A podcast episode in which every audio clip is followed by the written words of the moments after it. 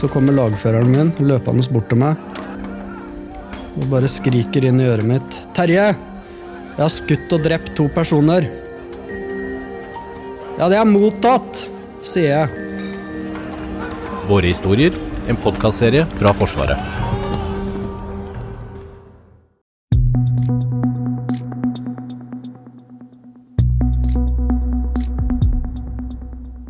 Russland fører en propagandakrig mot Vesten. De bruker falske nyheter og desinformasjon for å skape ubalanse. I sosiale medier prøver de å påvirke oss for å skape en historiefortelling som passer med det de vil oppnå. Men hvordan foregår egentlig den russiske påvirkningen? Og hva tjener de på at debatten her blir polarisert? Du lytter til Forsvarspodden. Jeg heter Hege Svanes. Falske nyheter og desinformasjon skyter fart, godt hjulpet av sosiale medier og ulike algoritmer. Eskil Grendal Sivertsen, du er spesialrådgiver på Forsvarets forskningsinstitutt og har spesialisert deg på påvirkningsoperasjoner. Aller først, hva er påvirkning? Det er et godt spørsmål. Er vanskelig å gi et sånn veldig kort svar på. Ehm, det er ehm, Fra vårt ståsted så ser vi jo mest på måter særlig fremmedstatlige aktører bruker ulike former for eh, kommunikasjonsteknikker og midler for å skape effekter eh, som en del av sitt egentlig Altså, det handler jo om makt, til syvende og sist. Skape seg makt og innflytelse. Eh, med bruk av eh, falske kontoer på sosiale medier, f.eks. botnettverk, konstruering av hendelser. altså Forsøk på å manipulere ulike målgruppers virkelighetsoppfatning for å, for å skape ulike effekter. Men hva er, det, hva er det de er ute etter? Nei, jeg tror Målet vil jo være avhengig av eh, aktøren. Russland så handler det nok om makt. Det er jo en del av en måte, maktspillet. Skaffe seg makt og innflytelse. Um, og det handler ikke nødvendigvis om å få oss til å tro på løgner, men å skape tvil om hva som er sant. Uh, få oss til å krangle med hverandre og være uenige, forsterke konflikt. Uh, det har vi jo sett i flere land. For å svekke demokratiet fra innsida. Svekke tilliten vår til, til myndigheter og til pressen og til hverandre.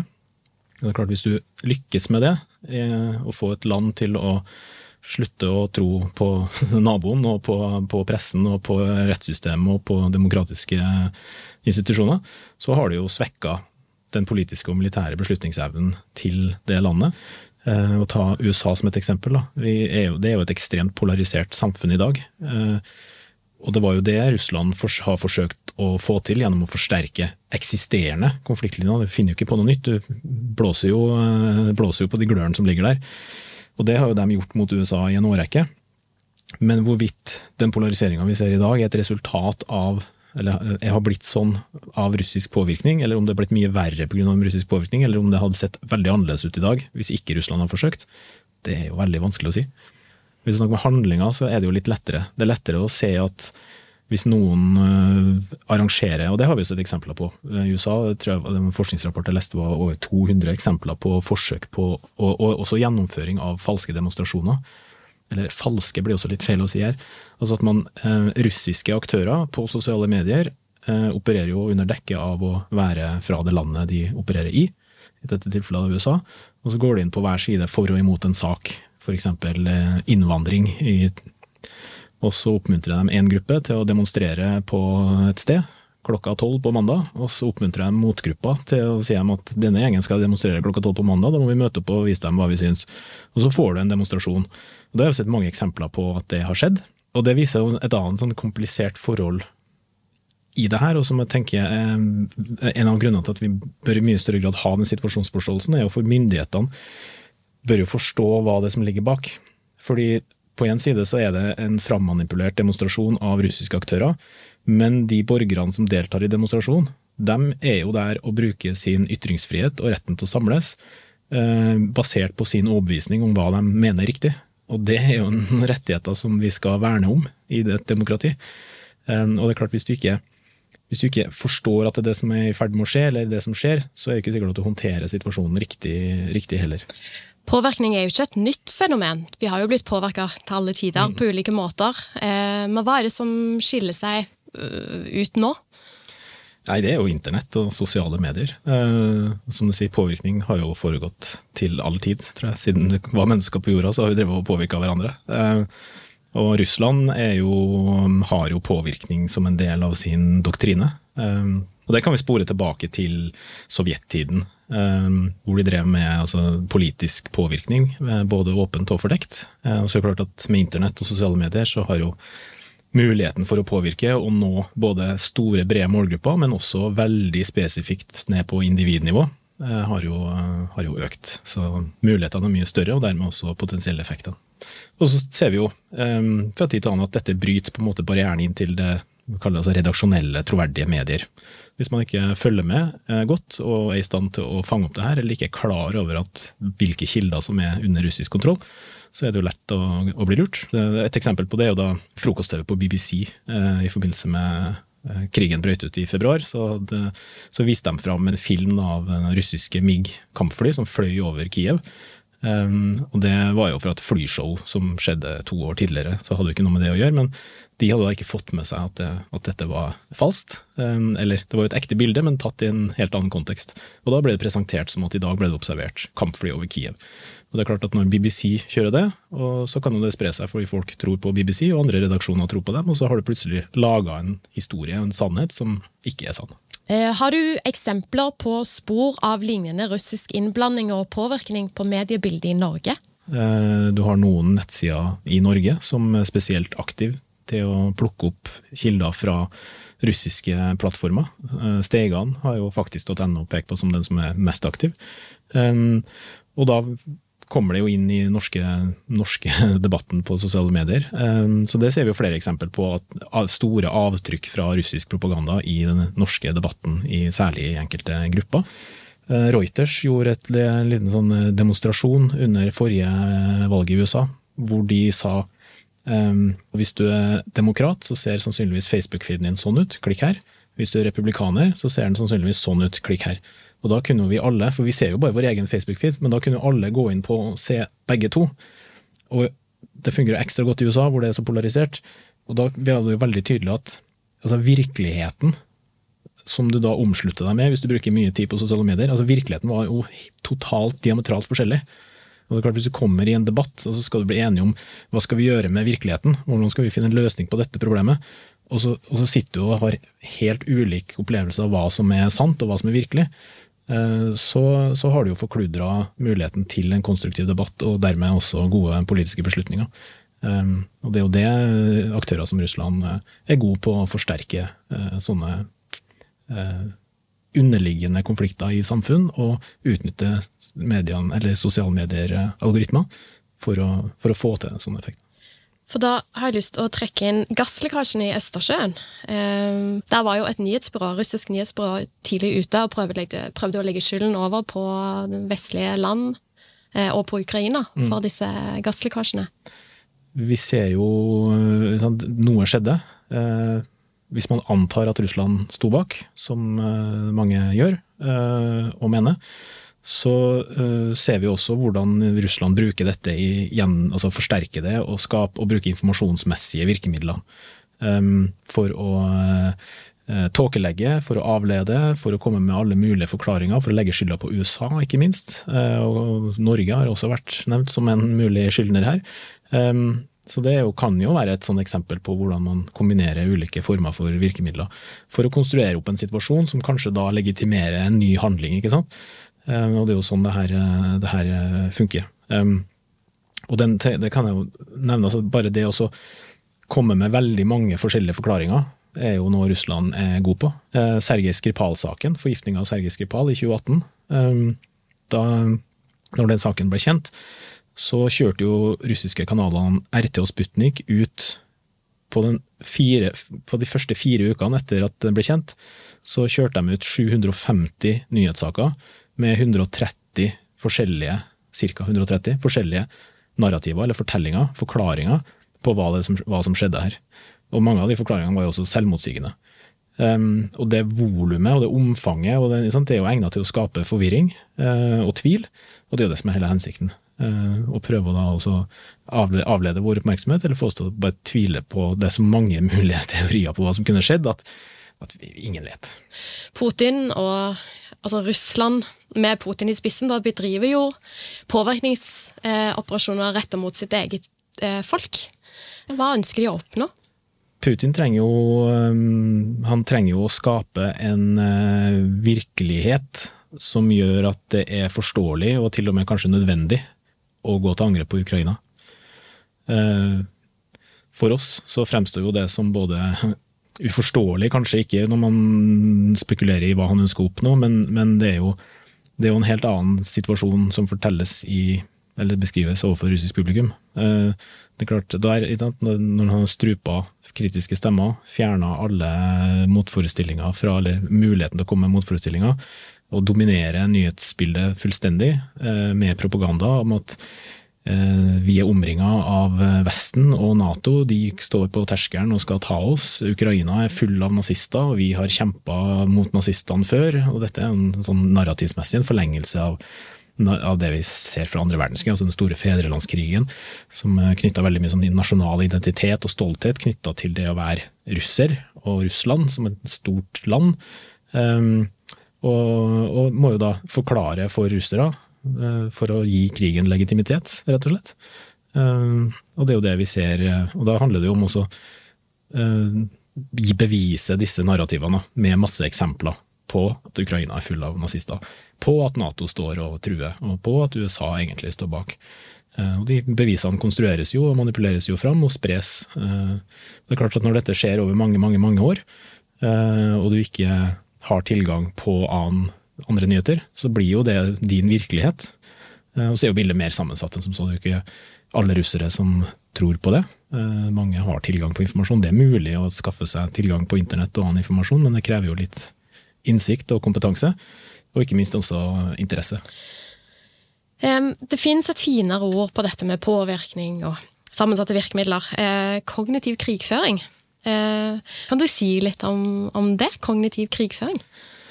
Mye her er jo ikke nytt. Uh, i, i, altså militært sett, hvis jeg tenker på den militære delen av Nato, så har vi jo psykologiske operasjoner og informasjonsoperasjoner som, uh, som handler om mye av det samme. Uh, så dette er ikke noe nytt for Nato-land. Dette har vært en del av militær doktrine i mange år. Og PSYOPS, som vi forkorter det med, er jo et våpen på lik linje med artilleri, f.eks., som gjør at det er underlagt strenge regler eh, krigens folkerett og engasjementsregler som sier hvem har du lov til å ha som mål, når har du, hva er rammene for å kunne gå på det målet. Um, og det er, bru, det er, til bruk i væpna konflikt og krig, um, som et militært virkemiddel. Um, det vi ser nå, er jo at mange av disse virkemidlene brukes mot oss, uh, mot hele sivilsamfunnet, i en fase hvor vi mener at vi er i fred. Og så er spørsmålet hvilken fase mener Russland f.eks. at de er i. Men det er klart, hva, hva skal vi som Nato-land, hvordan skal vi forholde oss til denne påvirkninga og manipulasjonen som foregår? Eh, hvordan skal vi forsvare oss mot det, hvordan skal vi forstå det? Og Der har det også vært snakk om at er dette et så stort og viktig felt, et område, at det bør være et domene på lik linje med sjø, luft, land osv. Um, uh, og det er jo en diskusjon og utredning som, som, som, pågår nå. Og Det sier jo litt om viktigheten av det, og hvor mye vekt som legges på det i Nato. Uh, og så skal ikke jeg forskuttere hvor man ender opp, uh, men, uh, men, ja, jeg tenker det sier litt om hvilket fokus som, som er på det nå. Men sånn overordna så handler det om altså, det vi kaller altså, narrative warfare har blitt et begrep i forskninga også internasjonalt. Så det handler om å etablere noen sånne overordna fortellinger som du må finne beviser på er sann. Og disse fortellingene er jo gjenkjennbare for, for, alle oss i dag. og Noen er jo f.eks. Eh, at Vesten og Europa er i moralsk forfall. Um, en er, og, og, og, er like ved å egentlig smuldre opp pga. dette moralske forfallet og svakheten som vi, vi har, og som også pga. demokratiet. Um, en annen er jo denne fortellinga om at uh, Ukraina er full av nazister, f.eks. Uh, så det er jo en rekke sånne overordna narrativer som ligger til grunn. Så da handler det jo om å finne beviser for at disse narrativene eller fortellingene er sann. Uh, og det er jo det bevisene vi gjerne ser som desinformasjon i sosiale medier og på, på, nett. Enten så kan du jo ta noe som er sant, og overdrive. Du finner jo saker som kan være egnet til å illustrere at Europa er i moralsk forfall. Og da kan jo de bli henta ut og forstørra, eller tatt ut av kontekst, sånn at eh, det blir en, eh, en kjerne av sannhet i det, men at uh, historien egentlig er overdrevet eller usann. Og noen ganger, og ikke så rent sjelden, så er det jo bare oppspinn. Ren og skjær disinformasjon som er løgn. Eh, nå har vi snakket om hva påvirkning er, eh, og hva avsender av påvirkningsoperasjoner ønsker å oppnå. Eh, og vi har snakket om noen eksempler på påvirkning. Men hvordan kan vi beskytte oss mot påvirkning? Den type påvirkning vi her har snakka om, som foregår på hvis vi tar sosiale medier og nettsider som en del av det. Det finnes mange andre måter å påvirke på. Du kan sprenge en rørledning i Østersjøen. Eh, men eh, påvirkning på sosiale medier og nett eh, Vi må ansvarliggjøre tech-plattformene. De det går jo mot deres businessmodell. Der skjer det jo noen ting. EU kom med en Digital Services Act 1.1. Det er jo det ene. Det andre tror jeg handler om altså, hva, vi, hva vi kan gjøre. Og det tror jeg handler om altså Det er sånn kjedelige ting, da. men det er jo kompetanse. Vi må forstå at dette skjer. Vi må ha bedre, bedre digital kompetanse, rett og slett. Eh, bedre på kildekritikk. Forstå hvordan algoritmer funker. Eh, være mer bevisst på hvordan vår egen virkelighetsoppfattelse skapes. Eh, og, og det går forbi det som vi ofte snakker om kildekritikk, som går på falske nyheter. Det kan du lett sjekke ut. Men vi, mye bruk av memes og humor og ironi og sarkasme og sånn, som er egnet til å underbygge holdninger og følelsesbaserte oppfatninger som får effekt, eh, og som vi ikke kan eh, utvise noen kildekritikk mot. Men til syvende og sist så uh, tror jeg det koker ned til to ting. Tech-plattformene må gjøre mer, og vi må kunne mer. Det er jo ironisk, eller uheldig, kan man si, at den offentlige, demokratiske, åpne debatten som vi må ha i et levende demokrati, foregår i dag i stor grad på sosiale medieplattformer som ikke er underlagt demokratisk kontroll. Hvor du har eieren av plattformen som kan manipulere det rommet ved hjelp av algoritmer på måter som vi ikke ser, og dermed kunne manipulere den offentlige debatten i retninger som vi ikke er klar over. Og Det er jo et stort problem som jeg tenker alle demokratier må ta på alvor. Mm. Men Du sier vi må øke vår kunnskap. Da, det, eh, da har jeg lyst til å trekke inn eh, Sverige. Eh, fordi januar i år så har de etablert det de kaller Sveriges myndighet for psykologisk forsvar. Og Det er nettopp for å avdekke og håndtere systematiske påvirkningsforsøk. Burde vi tenke på å gjøre noe tilsvarende i Norge? Jeg synes absolutt det. Ehm, PST er jo en påtalemyndighet, så med mindre det foreligger mistanke om noe kriminelt, så har de per i dag ikke mandat til å undersøke det. Ehm, og mesteparten av det vi snakker om her, påvirkning, er jo ikke per norsk lov kriminelt. Og dermed så har PST få virkemidler de kan bruke. Og så har jo E-tjenesten er jo ut, vår utenlandsetterretning. Um, de skal jo ikke følge med på hva nordmenn driver med i, i, i Norge. Um, så, så, spørsmålet er hvem, hvem, kan, uh, hvem, kan, følge med i det norske informasjonsmiljøet? Jeg tenker at det kan være gode grunner til at dette ikke skal være kobla til etterretning. Uh, fordi da kan det fort bli oppfatta som overvåking. Og jeg tror de færreste av oss ønsker oss et overvåkingssamfunn hvor vi i hvert fall sitter med et inntrykk av at staten sitter og følger med på hva vi holder på med på sosiale medier. Um, og det går an å skaffe seg en sånn situasjonsoversikt uh, gjennom stordataanalyser for å se på trender, og se på utviklingstrekk og se på avvik fra det. Eh, hvis du skal komme med et råd til oss eh, nordmenn, da, for å på en måte være litt obs på dette her med påvirkning, hva, hva slags råd vil du gi? Jeg prøver i hvert fall selv å utfordre meg sjøl på min min egen virkelighetsoppfatning. Fordi vi, er, vi mennesker er mye mer følelsesstyrt enn det vi liker å tro. Eh, og vi har intuitivt i oss en opplevelse av hva som er sant. Eh, eller, som, og, det være, og, det kan være, drevet av eh, behov for hva vi ønsker skal være sant. Eh, og det farger jo måten vi eh, møter informasjon på hvis du er hellig overbevist om At det finnes en global konspirasjon, at staten lyver, og at alle norske medier er i lomma på en mørk, farlig kraft som vil verden vondt, så vil du lese alt med, med de brillene på deg. De fleste av oss er jo ikke der. Men vi har likevel noen forutinntatte holdninger som gjør at vi reagerer på ulike måter når vi møter ting i sosiale medier. Så det å være litt sånn bevisst på hva er det hva er mitt grunnlag, hvilke briller har jeg på meg? Hvordan kan det farge hva jeg tenker er sant og ikke sant? Um, og så er det selvfølgelig altså, de annerledes rådene som, som, alle kommer med. Utvis kildekritikk. Eh, hvis en ting virker eh, veldig utrolig, sjekk om det er andre kilder som også melder den samme saken. Eh, og kanskje særlig være obs på ting som, eh, som virker, altså som treffer deg på et følelsesmessig plan. At du kjenner at nå, nå fikk du en reaksjon. Eh, du blir sinna eller fortvilet eller et eller annet, så trekk pusten dypt og så sjekk om det, om det er sånn. Og les gjerne hele saken før du kommenterer. Du har hørt på Forsvarspodden. Forsvarspodden lages av Kristine Hellesland, Lars Petter Hallingstorp, Thomas Haraldsen, Jørgen Lyngvær, Fredrik Tandberg og meg, Hege Svanes.